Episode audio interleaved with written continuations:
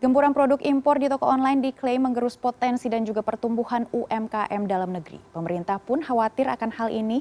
Berbagai langkah dilakukan termasuk menggulirkan pelarangan penjualan produk impor di toko online yang harganya di bawah 1,5 juta rupiah. Dan untuk membahas hal ini sudah bergabung melalui sambungan virtual staf khusus Menteri Koperasi dan UK, UKM bidang pemberdayaan ekonomi kreatif Vicky Satari. Selamat pagi Mas Vicky pagi Mbak Megi, ya, sehat-sehat. Sehat Mas Vicky.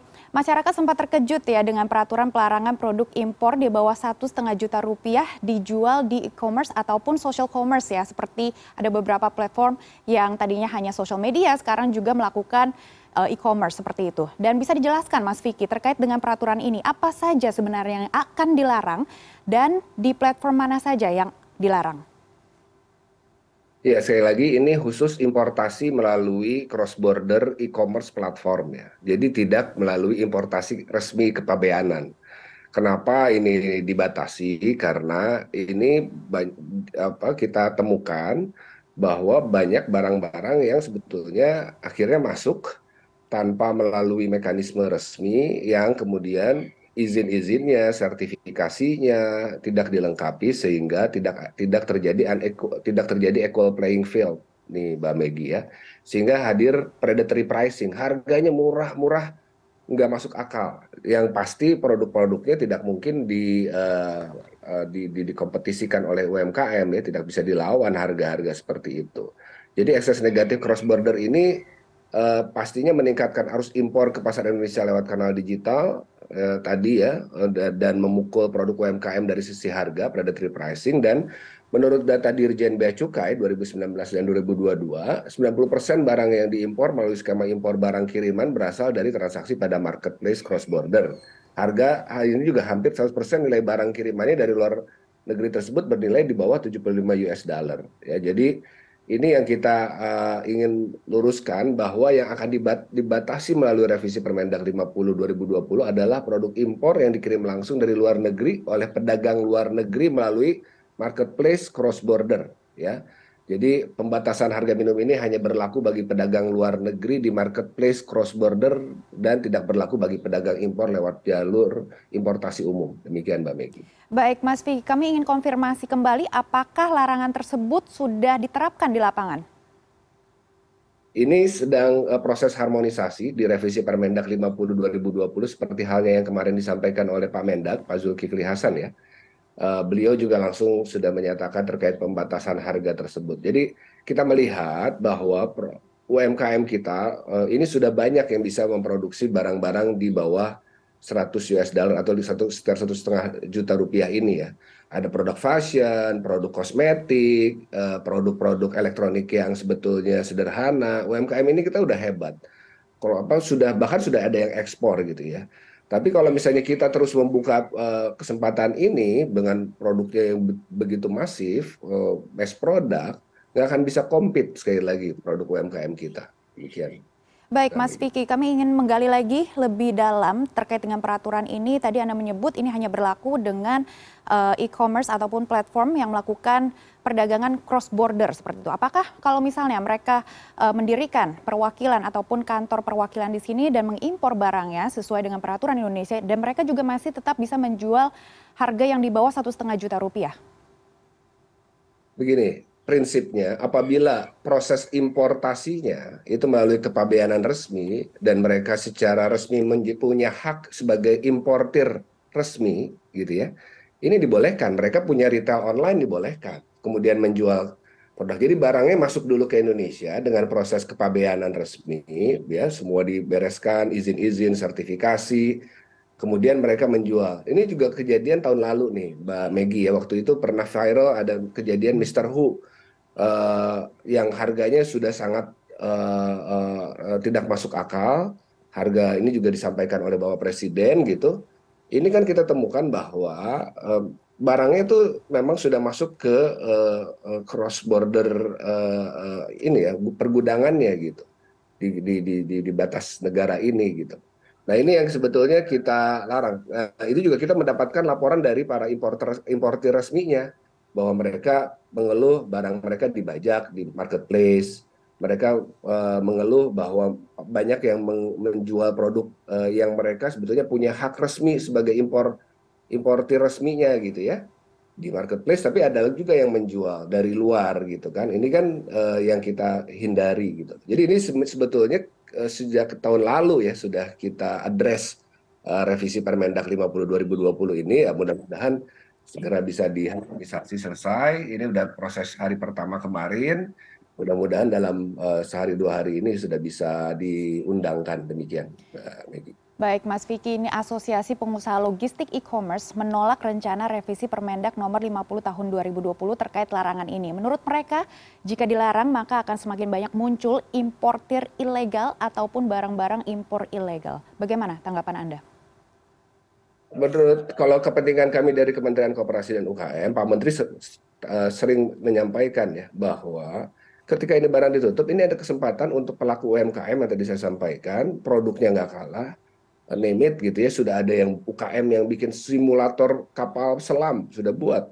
Sudah ada uh, startup yang bikin urusan AI IoT uh, pokoknya urusan digitalisasi teknologi udah banyak UKM kita. Cuman kalau misalnya dihajarnya dengan barang-barang murah yang karena tidak bayar uh, pajak dengan tepalal ya izin-izin yang lain gitu ya nggak akan pernah bisa compete. Sehingga sebetulnya ketika ini ditutup ini kesempatan untuk seperti apa yang dinyatakan Bapak Presiden sudah saatnya ada substitusi produk impor ini sudah di kita uh, sebutkan juga uh, uh, di beberapa pernyataan Presiden Pak Menteri terkait dengan bagaimana adanya onboarding satu juta target satu juta UMKM di katalog LKPP memenuhi 40% belanja pemerintah barang dan jasa ya untuk dari UMKM gitu ya. Dan ini juga sudah data dari Harbolnas juga bahwa proporsi nilai transaksi produk lokal berada pada kisaran 45 sampai 46 persen dari nilai transaksi. Dari surveinya kata data Insight Center juga menunjukkan bahwa 87 persen konsumen memilih belanja produk dalam negeri. Ya, dan banyak sekali. Artinya Eh, kita yakin produk UMKM kita sudah punya eh, kualitas yang sangat baik. Tapi ini ada harus ada keberpihakan. Nggak mungkin UMKM saya lagi melawan produk-produk harga yang memang harganya sudah tidak masuk akal tadi gitu. Uh, mungkin ada harga sepatu dua puluh empat ribu rupiah, harga uh, earphone misalnya seratus rupiah, seratus perak gitu ya. Kemudian harga jilbab kerudung harga tujuh ribu rupiah. Ini semua pasti akan terdampak. Banyak sekali sentra-sentra industri kecil menengah yang hari ini terdampak di Tanah Abang, sentra-sentra bordir di Tasik. Eh, sudah kita sudah punya datanya ya, eh, banyak sekali pelaku konveksi yang terdampak gitu loh. Jadi ini yang sebetulnya kita ingin uh, dorong teman-teman saya lagi teman-teman uh, logistik ini kan khusus untuk tadi yang saya sebutkan. Ini berlaku hanya pedagang luar negeri di marketplace cross border tidak berlaku bagi pedagang impor lewat jalur importasi umum. Demikian. Baik Mas Piki, ini menarik sekali. Jika Permendak sudah direvisi dan tadi Anda menyebut satu dua hari lagi akan menjadi undang-undang, bagaimana sebenarnya kerjasamanya dengan Kementerian Korporasi dan UMKM untuk monitor dan menerapkannya di lapangan? Yang pasti uh, uh, ini kan nggak bisa pemerintah sendiri. Artinya ini mesti ada goodwill dari pihak platformnya saya contoh kemarin uh, pihak kami mengundang pihak TikTok ke kantor. Seperti halnya tahun lalu kita mengundang pihak Shopee dan Lazada. Pihak Shopee Lazada tahun lalu kita undang, kemudian langsung uh, Shopee dan Lazada menutup cross border produk-produk impor untuk tiga kategori produk untuk 13 kategori subproduk gitu ya fashion ada kria ada kuliner nah pihak TikTok juga demikian pihak TikTok bilang bahwa tidak uh, bilang bahwa tidak ada cross border, tidak ada retail online, tapi faktanya, nah ini kebetulan ada gambarnya. Faktanya harga-harga yang di uh, TikTok Shop hari ini itu harga-harga uh, produk impor pasti yang disebut kita sebut predatory pricing. Bagaimana tidak harga parfum dijual dua puluh ribu, tiga puluh ribu ya t-shirt gitu kan. Uh, kemudian ada uh, sendal gitu ya. Ini kan uh, sebetulnya produk-produk yang tadi saya sampaikan di Indonesia elektronik kita punya lokal Advan, Polytron, Cosmos banyak sekali beauty humans untuk parfum bahkan udah uh, ada show di Paris gitu ya untuk make upnya, untuk kosmetiknya ada Wardah, ada uh, MS Glow, Emina gitu ya. Sepedanya ada Polygon, perkakasnya ada Crispo, fashionnya banyak sekali. Jadi itu uh, sebetulnya Mbak Megi ya. Ya, Mas Vicky tadi Anda menyebut ada earphone yang berapa ribu rupiah dan juga ada sepatu yang dua puluh ribu rupiah seperti itu ya. Ada harga-harga yang memang tidak masuk akal murahnya, Mas Vicky. Apakah ini juga ada fenomena bakar duit? Uh, kerjasama dengan platform ataupun mereka sendiri juga mempunyai modal untuk bakar duit untuk mengumpulkan follower mereka sendiri untuk menjual produk-produk tersebut. Tapi bukan artinya mereka untung seperti itu Mas Vicky. Apakah sudah ada studi lebih lanjut terkait dengan bisnis model ini? Ya tentunya itu kan kembali ya, itu kan ada di uh, platformnya sendiri yang betul-betul atau, atau di brandnya. Tapi tadi saya lanjutkan bahwa ini yang kita sampaikan ke TikTok kemarin, bahwa ini bagaimana uh, menurut uh, teman-teman TikTok kalau misalnya ada barang-barang seperti ini UMKM kita bisa berkompetisi atau tidak. Kami ingin mengetuk hati, bahasanya begitu Mbak Megi, sebelum diundang, sebelum diregulasi. Ini kan bicara terkait dengan ya kita pakai nalar uh, yang sehat saja nggak mungkin produk UMKM ini berkompetisi gitu ya. Nah ini yang kita harapkan ada goodwill tadi. Nah kembali uh, berkenaan dengan hal tersebut, uh, sebetulnya masalah bakar uang, masalah uh, pihak keuntungan apa segala macam itu kan kembali lagi ke bisnis masing-masing. Tapi faktanya ini praktek-praktek seperti ini yang kita sebut predatory pricing yang menjadi sumber utama dari permasalahan ini adalah yang membunuh pelaku UMKM kita, Mbak Megi. Baik, uh, Mas Vicky terakhir, apakah dengan pelarangan ini bisa menjamin melindungi pengusaha UMKM?